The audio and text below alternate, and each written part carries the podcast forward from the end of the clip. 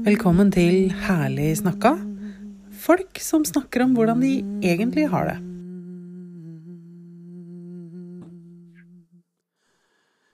Velkommen til eh, Herlig snakka. I dag har jeg med meg Lisbeth Hauge. Og det første som skjedde når vi begynte å snakke sammen nå, var at vi ble stille. Så vi har lyst til å snakke om stillhet i dag. Hva betyr stillhet for deg, Lisbeth? Mm. Stillhet, det Med en gang du sa ordet i stad, så kjente jeg på den dype betydningen stillhet har. Mm. Og hvordan jeg har kommet til fred med stillhet. Mm. Mm. Mm. Og før så var jeg en veldig stille person. Ja. Veldig stille utad, men det var så mye som foregikk på innsiden. Mm. Så når folk kalte meg stille, så klarte jeg ikke helt å relatere meg til stillhet, hva det var. Sant. Mm. Og nå kan jeg kjenne den stillheten på innsiden. Mm. Og skjønne at ordet stillhet er, et, det er et godt ord. Ah. Så deilig. Mm. Kan ikke du si litt grann om deg, sånn at vi får presentert deg skikkelig? Det var en veldig mm. deilig start, og så tenker jeg at vi trenger å bli litt kjent med deg òg. Gjerne. Det er um, Hvem er jeg? Jeg um, er en uh, kvinne med mange roller, føler jeg. Mm. Kone, mor, venn, kollega, jeg er yogalærer. Mm. Eh, mange roller. Jeg har, jeg har hatt en helt vanlig oppvekst. En, et, føler at jeg har hatt et fint liv, helt vanlig liv. Men har kjent at det, det er noe som skurrer. Mm. Kjent at det har vært noe av den uroen jeg har følt inni meg, da. Den manglende stillheten. Det har vært, eh, det har vært et savn. Mm. Mm. Finne hvem, hvem er jeg egentlig? Ja, ikke sant. Mm. Og det tror jeg jo er en veldig viktig reise for de fleste av oss. Um, det hender jeg blir misunnelig på de som ser ut til ikke å kjenne etter. Jeg veit ikke hvordan den indre uroen, hvis den fins, fungerer liksom for folk som ikke kjenner etter. For det, det, er, det er mennesker som bare Jeg vet ikke Ja, de tar seg en fest, og så, og så shopper de litt, og så ser de litt på TV, og så går de på jobben, og så går det helt fint. Mm. Og så, og så tenker jeg, hvis jeg hadde vært deg, så hadde jeg kjent på det her eller det her eller det her, liksom. Mm. Så det er en del av meg som er litt misunnelig på de som på en måte ser ut til å kunne skru ned volumet på innsida, da. Ja. Samtidig som når jeg kjenner etter, så elsker jeg jo Jeg elsker jo det på en måte biproduktet av å høre etter. For den, når det er stille, er mye deiligere enn når jeg skrur ned volumet, liksom. ja. Åh, det kan jeg relatere meg så til. Ja. Ja. Og det og jeg husker da jeg var barn, jeg var så sensitiv. Mm. Så jeg følte at jeg tok inn alt mulig fra utsiden Mm. og fra innsiden. Ja. Så etter hvert så bare skrudde jeg hele Skrudde av lyden helt. Sånn at jeg i hvert fall ikke trengte å høre noe fra innsiden. Mm. Mm. Og da stengte jeg av for alt av følelser, og da stenger man jo av for de gode følelsene også. Mm. Ja, Så det utad så så det sikkert ut som jeg hadde det veldig bra, fordi jeg var jo på fester og jeg gjorde jo de tingene som man bare gjør eh, Mm. for å ha det bra, men jeg kjente ingenting. Nei. Ikke sant? Mm. Nei. Og det Ja, det mm, Ja, for meg så, så oversettes det til en evne til å fungere. Ja. Um, og også, også en evne til å være sånn at man blir godtatt ish. Bare at det er ikke jeg som blir godtatt. Mm. Det er den Det er den ja, karakteren jeg har laget, på en måte, da, som blir godtatt, for det er greit når jeg bare gjør det, og så blir jeg gående. Selv om det er stille, så blir jeg gående og balansere likevel, da, for å prøve å være det som gjør at jeg blir godkjent eller er innafor. Ja. Ja, akkurat det som skjer. Mm. Den følelsen av å måtte passe på hva man sier og gjør for at det skal Man må nesten huske på rollen sin. Ja. Og passe på at det skal passe inn i den rollen. ja. Og så vet man til slutt ikke Ja, men hvem er jeg, da? Mm. Nei. er jeg egentlig?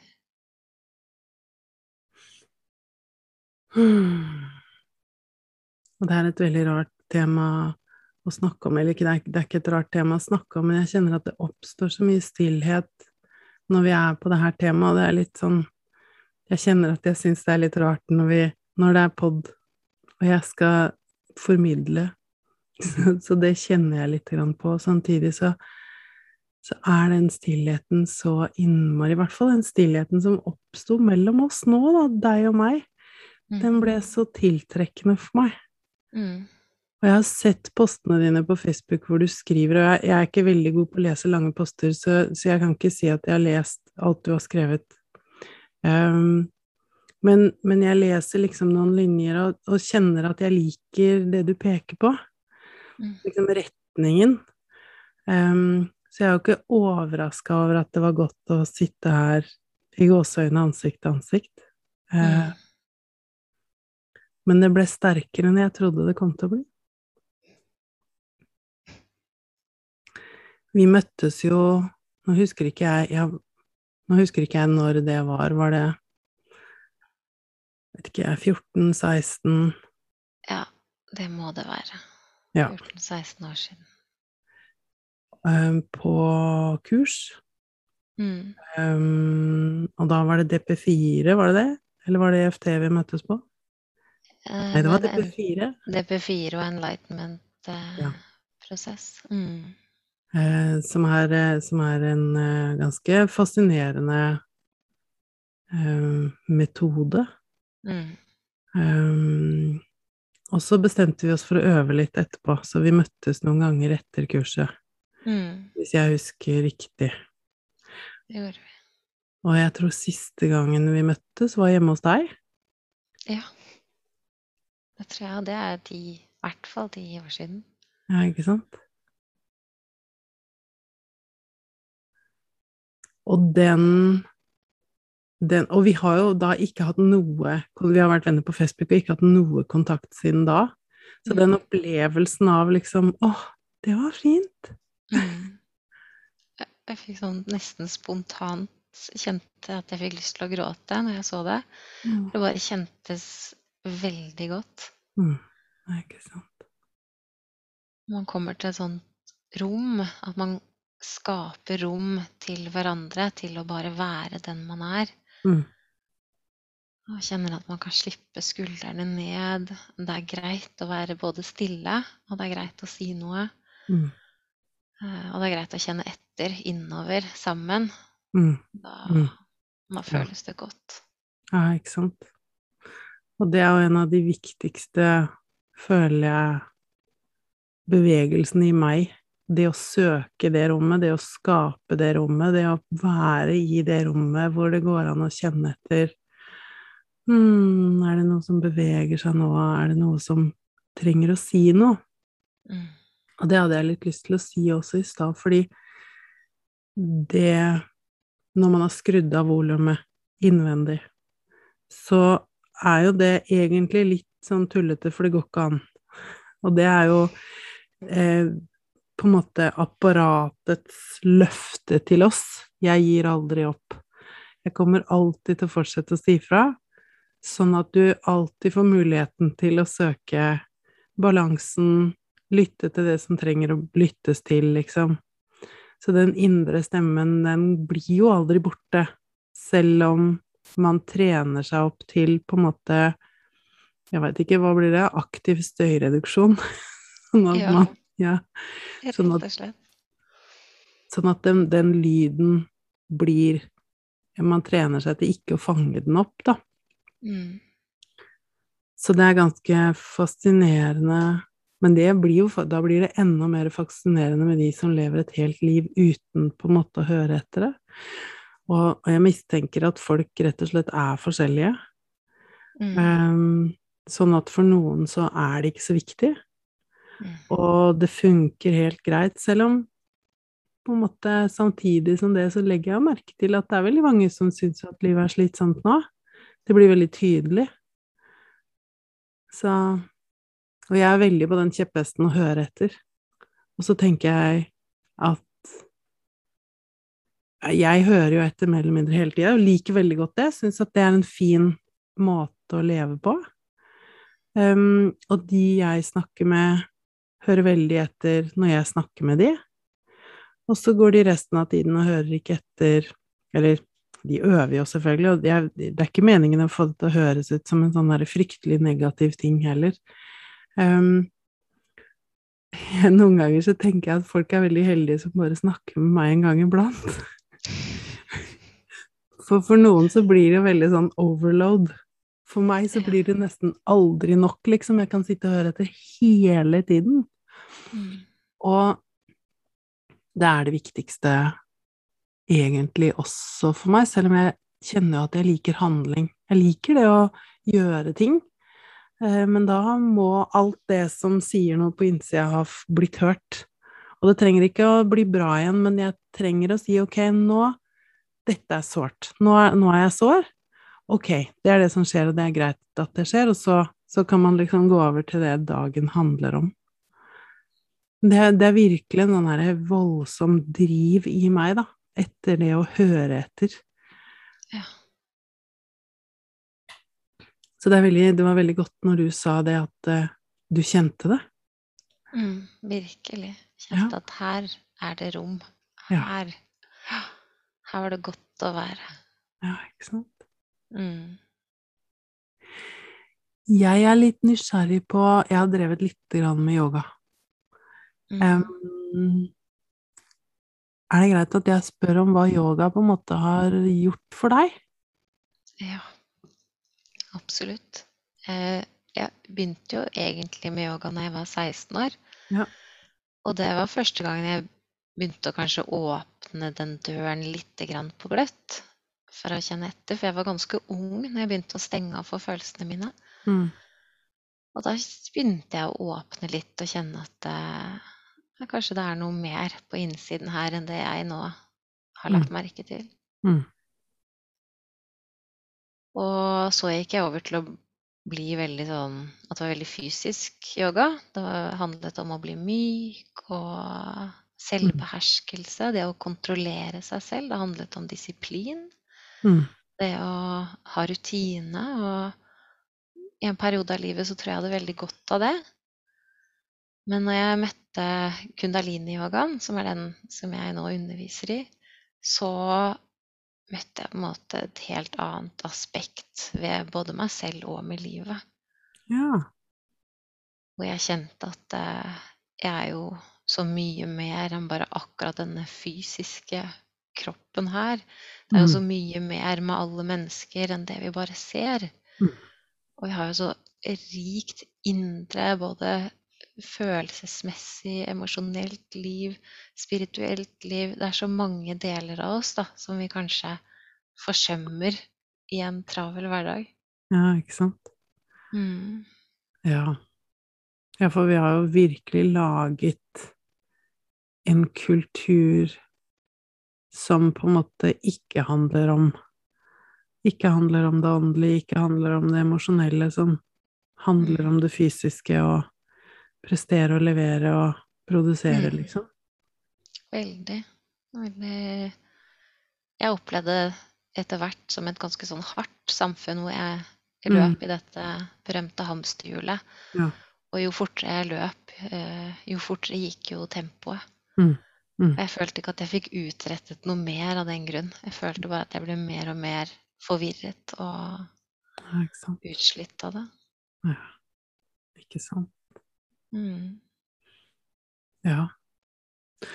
Jeg tror kanskje for første gang jeg har eh, kjent på en viss compassion for dette fysiske produksjonssamfunnet. Det var litt interessant, for jeg kjente på det at det er jo ikke rart. Det er jo faktisk ikke rart at det er sånn vi har valgt å organisere livet, fordi at det er jo en sånn grunnleggende fysisk beskyttelse og, og det å ha nok mat og overleve. Mm. Um, så kanskje Kanskje Ja, for nå føler jeg jo at vi begynner å oppdage det du sier, ikke sant? Vi er mye mer enn bare det fysiske mennesket. Det er så mye mer i et menneske enn det. Det er kanskje først nå at vi kollektivt har på en måte hatt muligheten til å kjenne etter hva det koster. Mm. For det, for det er jo en sånn greie med tilværelsen at vi Vi tar jo, vi, vi tar jo grep når vi må, liksom. Og så har vi jo ikke måttet det før, men nå begynner jo Eller snart begynner produksjonen å lide under av, Eller av at vi ikke er her at, at hele mennesket ikke kan være her. At det ikke er balanse. Og jeg tipper at når det dukker opp på båndlinja, da, når det dukker opp i budsjettene, at vi, at vi virkelig Ja, vi taper penger på det. Det tror jeg vi er ganske nære å oppleve, at vi taper penger på at det ikke At vi ikke lever organisk, på en måte, da. Ja. Og for meg er det en interessant bevegelse å betrakte. Og så kjenner jeg at det er fristende å hoppe opp og ned og rope ja, men ser dere det ikke, da? Kan dere ikke se det? Mm. Men jeg har aldri sett noe fordi at noen ville at jeg skulle se det. Nei. Der har du et veldig godt poeng. Man må komme til den oppdagelsen helt selv Ja. og kjenne det. Mm. Og den at eh, ok, kanskje vi tyner jorda og presser ut alle ressurser vi kan av jorda. Vi gjør det samme av oss selv og menneskene. Mm. Ja, ikke sant? Til vi kommer til det punktet at nå må det stoppe. Mm. Det må hver og en kjenne på sin grense for når den grensen er nådd. Ja, ikke sant? Og så er det kanskje noe med Eller ikke kanskje, jeg tenker det er noe med at dette er um, For meg er det her en lekeplass hvor jeg kan velge hvem jeg er. Um, og hvis jeg skal kunne velge hvem jeg er, så betyr jo det at alle får lov til det. Mm. Um, jeg hadde bærekraftsambassadør Camilla Brox på besøk for uh, noen uker siden, og hun var veldig på det med å ikke ikke bruk pekefingeren, ikke dra de tunge linjene, ikke gjør, ikke, ikke gjør det til noe som det ikke går an å få til, liksom. Ikke gjør det til noe som det er plagsomt å få til. Men, men gjør det du kan. Sånn at det, det blir ens egen bevegelse, da. Ja.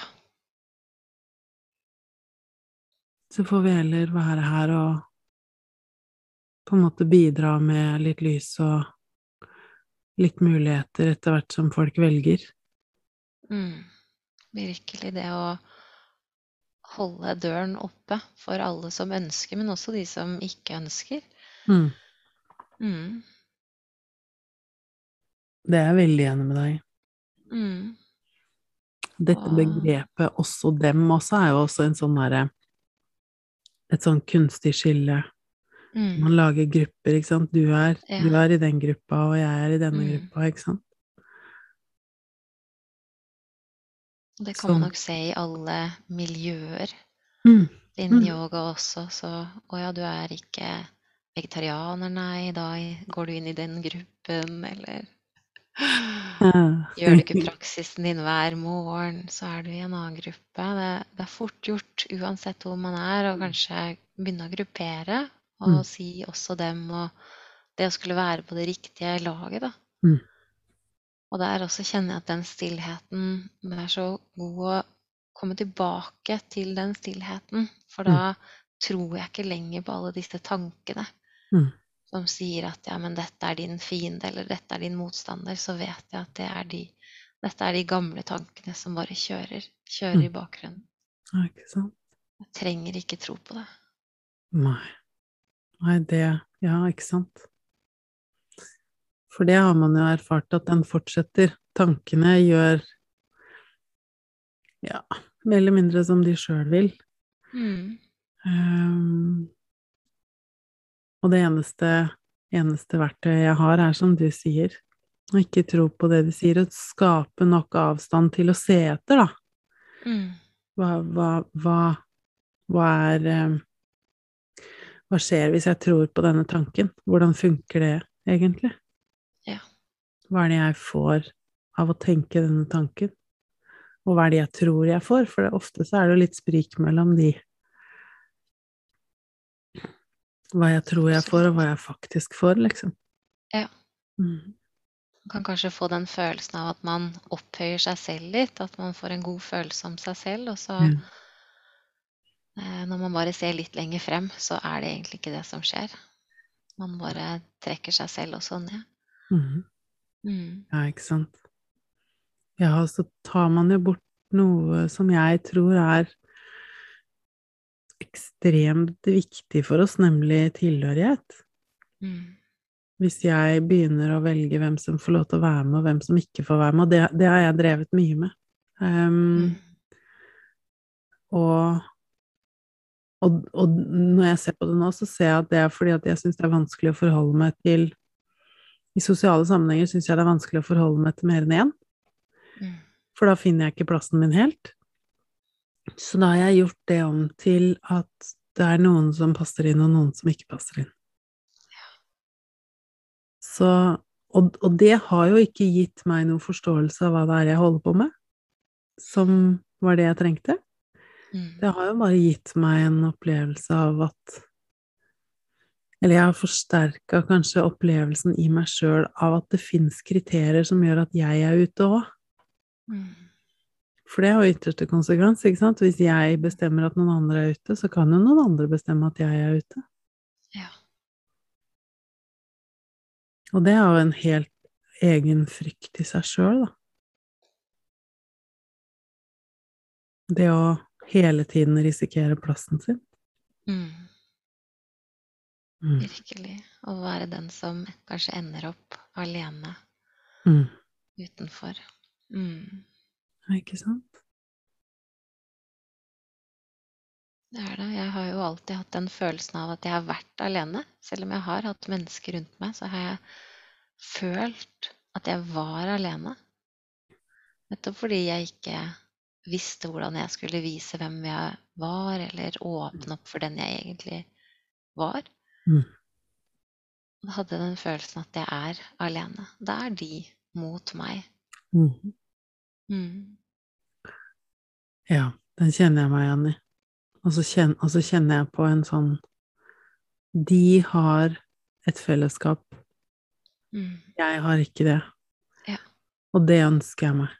Og alle sammen ser ut som Jeg lurer på om det er noen som har sett på deg og tenkt 'Å, hun er med, hun'. Det er ikke jeg. Mm. Fordi det ser sånn ut på utsiden. Og det er nok fort gjort å tenke om andre. Det, og sånn er hun, og hun har sikkert et veldig godt liv og nære venner, eller når man tenker det man tror man ser, da. Ja. Og så aner man ikke hva som foregår på innsiden hos et annet menneske. Mm, Ikke sant? Mm. Og kanskje de er stille på utsiden, men at det foregår masse på Mm. innsiden. Ja. Sånn. Mm. Mm. Ja. Det- Jeg tror det er det som også gjør at det er mange som har relatert seg til de tekstene jeg skriver også. Mhm. At eh, det treffer noe som er litt sårt og kanskje vanskelig å prate om. Men det går ofte på den følelsen av at det er noe i en selv som man ikke har anerkjent eller Mm. ikke har sett Mm. eller turt å vise frem. Ikke sant? Mm. Ja, for jeg tenker jo det er jo Det er hele drivkraften bak denne podden, og bak så mye av det jeg gjør, nemlig det å si det høyt, det å snakke om det, og ikke ikke konstruere et eller annet liv i tomme lufta uten støtte, men å, men å slippe seg ned og ha ja, oppdage, ikke engang skape, men oppdage at man har støtte under beina. Mm. Så enkelt som å kjenne etter at jeg, jeg sitter på noe som står støtt på jorda, liksom. Jeg trenger ikke holde meg oppe, og gud veit hvor mange ganger i løpet av et døgn jeg oppdager at jeg driver og holder meg oppe med muskulaturen min. Mm. Og så er jo hele jordkloden under meg. Ja. Så mye av den støtten fysisk, da, den bare er her. Så da trenger jeg ikke å gjøre det. Nei. Og så trenger jeg egentlig ikke å vurdere om jeg fortjener å leve eller ikke, for det gjør jeg. Mm. Så, så, og det valget er jo i og for seg tatt av noen andre, selv om jeg jo syns det er fint å leve. Så da trenger jeg ikke å gjøre det. Trenger ikke å liksom gjøre noe for å fortjene å leve. Og så, og så blir det jo liksom egentlig bare én ting igjen, da. Veldig forenkla, selvfølgelig. Men jeg kjenner at det som dukker opp i meg da, er Ja, hva liker jeg, da? Mm. Hva har jeg lyst til å gjøre? Og kanskje ikke resten av livet, men kanskje bare de neste fem minuttene, liksom. Mm. Og da begynner det å bli lett. For en frihet i det. Ja, sant? Virkelig. Mm. Mm. Da kan jeg gå ut og leke i sandkassen. Mm. Det liker jeg. Eller ikke. Eller ikke. Jeg har eh, jo et eget hus til alle hobbyene mine, for jeg Hobbyen min er å samle på hobbyer. Og jeg liker det ordet å leke. Har jeg liksom passert 50, og er fortsatt en unge inni meg ofte når jeg lærer meg nye ting. Så, så blir jeg som et lite barn, og så, og så kommer jeg inn til mannen min, og så sier jeg 'se, se så flink jeg har vært'. Så deilig. Ja. Ja. Ja, det er det. Jeg Mm. kjenner jeg fortsatt har litt greier i forhold til at jeg burde være seriøs, og at jeg ikke burde trenge anerkjennelse, men, men jeg gjør det. Jeg trenger anerkjennelsen, altså. Mm. Og det er jo så naturlig for barn, hvor de leker altså Se, Mm. og vil du være med? Mm. Mm. Ja, Vil du leke med meg? Ja. Mm. Og tillate den spontane gleden å åpne opp for at disse tingene kan få strømme gjennom en. Mm. At ikke alt er bare to do-lister. Jeg har jo brukt veldig mye av tiden min på å leve etter to do-lister og krysse av for å se hvor flink jeg har vært, og hva jeg har oppnådd, og hva jeg har klart. Og Ja. mm, kjente at det For meg så var ikke det lenger lek, da. Det ble bare en liste med ting jeg skulle oppnå. Mm. Mistet den leken og spontaniteten i det, gleden i det. Mhm. Ja, ikke sant? Og da er det ikke, da er det ikke så mye igjen. Nei. Nei.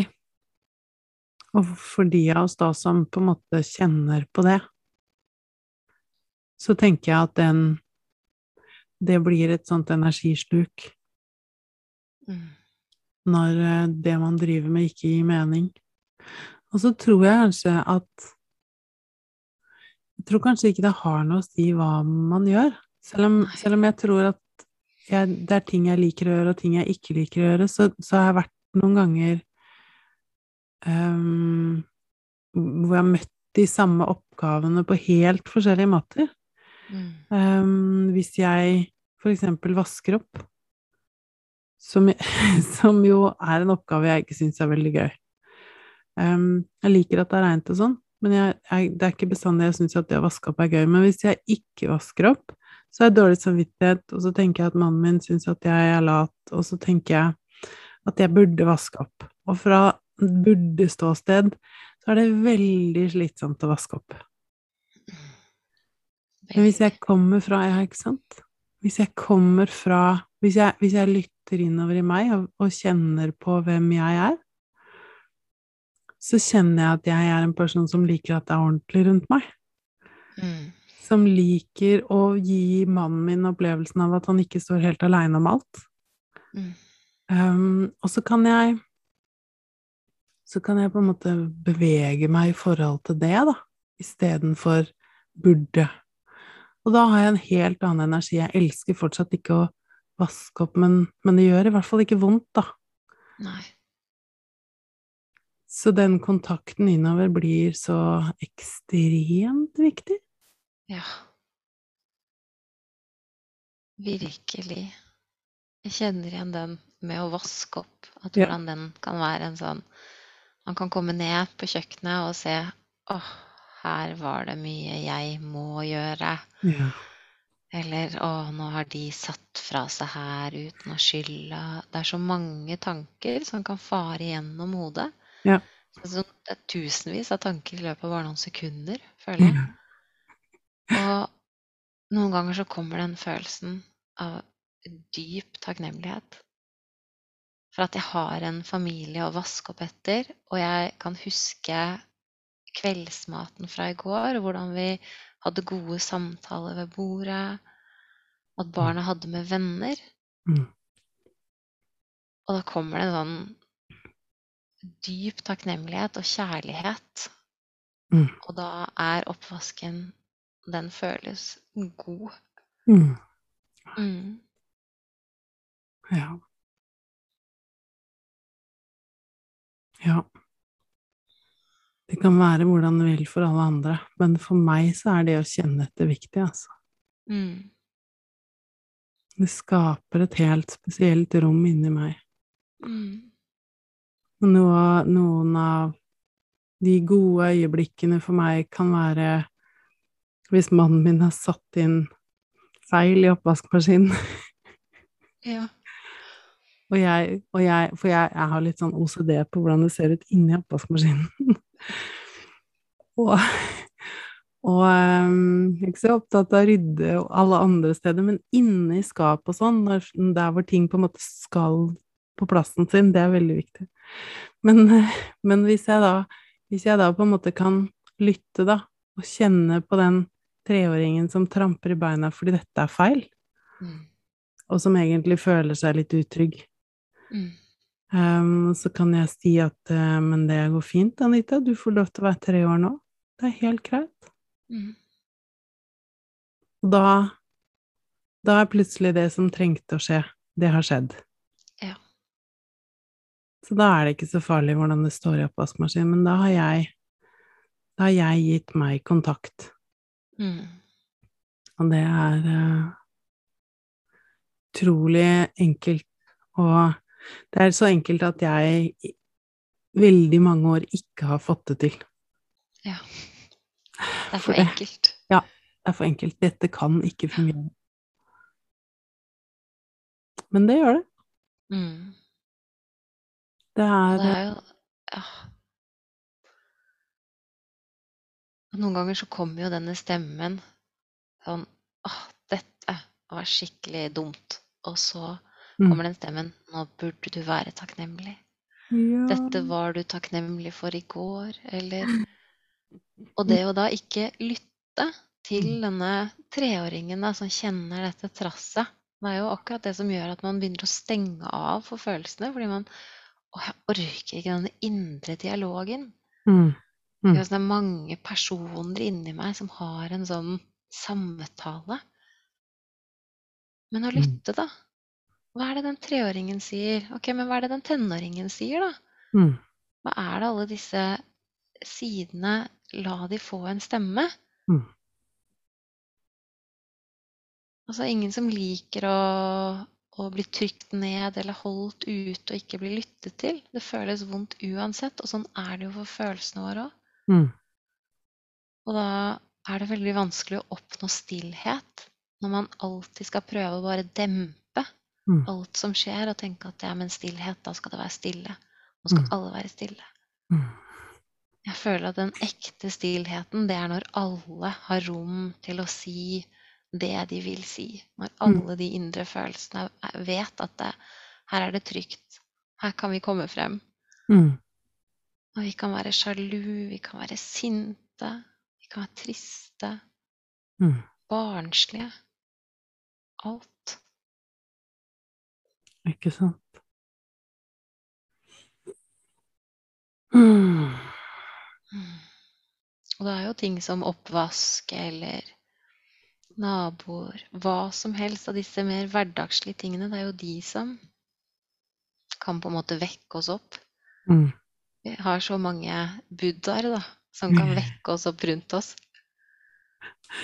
Og det er jo faktisk Det er jo faktisk eh, vet, For meg så er det en sånn kilde til eh, takknemlighet og, og tillit, fordi at systemet er rigga til min fordel, da. Det er en myriade av muligheter til å oppdage meg sjøl, til å være på lag med meg sjøl, til å på en måte ja, komme hjem, finne fred, lytte til. Mm. Det vil alltid være Det vil alltid være tilgjengelig informasjon om der jeg er i ubalanse, da. Mm. Eller der jeg tror et eller annet som ikke stemmer om verden eller meg, eller Det, det er godt, syns jeg, å vite. Det mange, er, I mange år har jeg ønsket at på en måte smerten skulle ta slutt. Ja. Um, og jeg, jeg, det er mange som ønsker seg det, og jeg skjønner hvorfor. For det ser så svært ut, og det gjør så vondt, og det blir så mye. Så, så jeg skjønner at vi på en måte litt kollektivt har bestemt oss for at smerte er litt dumt. Så det, det, det er best å ikke holde på med det. Men, men belønningen, da, for å ha på en måte tatt reisen gjennom smerten og, og ofte så sier den jo noe helt annet enn jeg tror òg. Fordi den sånn med treåringen ved oppvaskmaskinen, ikke sant, så, så tenker jo jeg at jeg er utakknemlig, at jeg ikke hensyn, tar hensyn til folk rundt meg, at jeg bare kjører mitt eget løp og er skikkelig sånn egotryne. Og så, og så er det ikke egentlig det som skjer, selv om jeg syns egoisme har fått uh, unødvendig dårlig rykte, da. For jeg tenker at ren egoisme er veldig fint. Men, men det, er ikke, det er jo ikke egentlig det som skjer at jeg ikke bryr meg om de jeg har rundt meg, da. Det som skjer, er jo at det er noe som trenger å bli hørt. Som ikke betyr det jeg tror det betyr i utgangspunktet. Jeg er ikke utakknemlig, det er bare en del i meg som sier 'oi, nei, nå ble det vanskelig'. Kan ikke, kan ikke du se meg nå, liksom? Så den øh, bevegelsen blir jo veldig viktig. Beklager. Noe med det å bare la kroppen få hoste når det er det den Ja. trenger. Det er liksom ikke bare følelsene, det er eh, mm, Hvor mange ganger i løpet av en dag regner jeg meg sjøl som feil? Oh my lord. Og man kan sette seg på sin høye, hvite hest og tenke at jeg forstår stillhet, jeg. mm.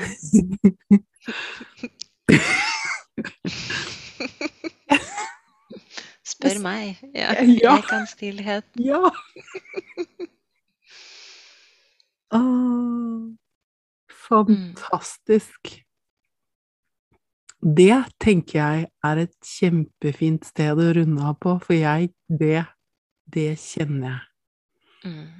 Det har jeg lyst til at skal være sagt. Ja. Jeg tror jeg er bedre enn jeg er noen ganger, altså. Mm.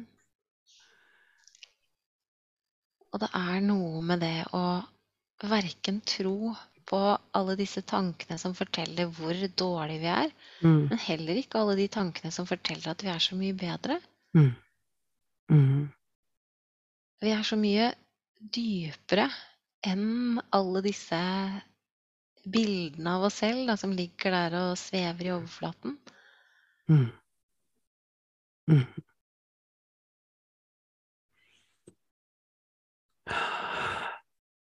Og det Mm. er faktisk ikke noe fred i å ha rett.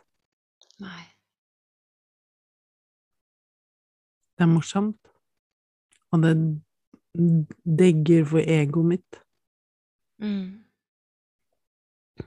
men det gjør meg ikke sterkere, gladere, friere eller noen ting. Det er i, det er i denne reine stillheten, da, hvor alt kan få bli sagt, Mm. Og hvor jeg ikke tillegger noe av det verdi. For det er, det er en sånn snubletråd. Å begynne å tillegge det jeg Vet ikke, det jeg kan, det jeg gjør, det jeg driver med, det jeg forstår, det jeg sier. Hvis jeg tillegger det verdi, Mm. og syns det er fint, liksom. Det og det er ikke feil å synes at det er fint. Men det er, det er et sånn, sånn bitte, bitte lite skille mellom å være i det og synes at det er fint, Ja. og, og på en måte synes noe om det. Som er eh, en oppmerksomhetsøvelse, for å si det mildt. Mm. Fantastisk. Tusen takk for at du ville være med og podde, Lisbeth. Det var veldig deilig. Tusen takk for at jeg fikk komme. Veldig, veldig koselig, Anita. Fantastisk. Takk for i dag.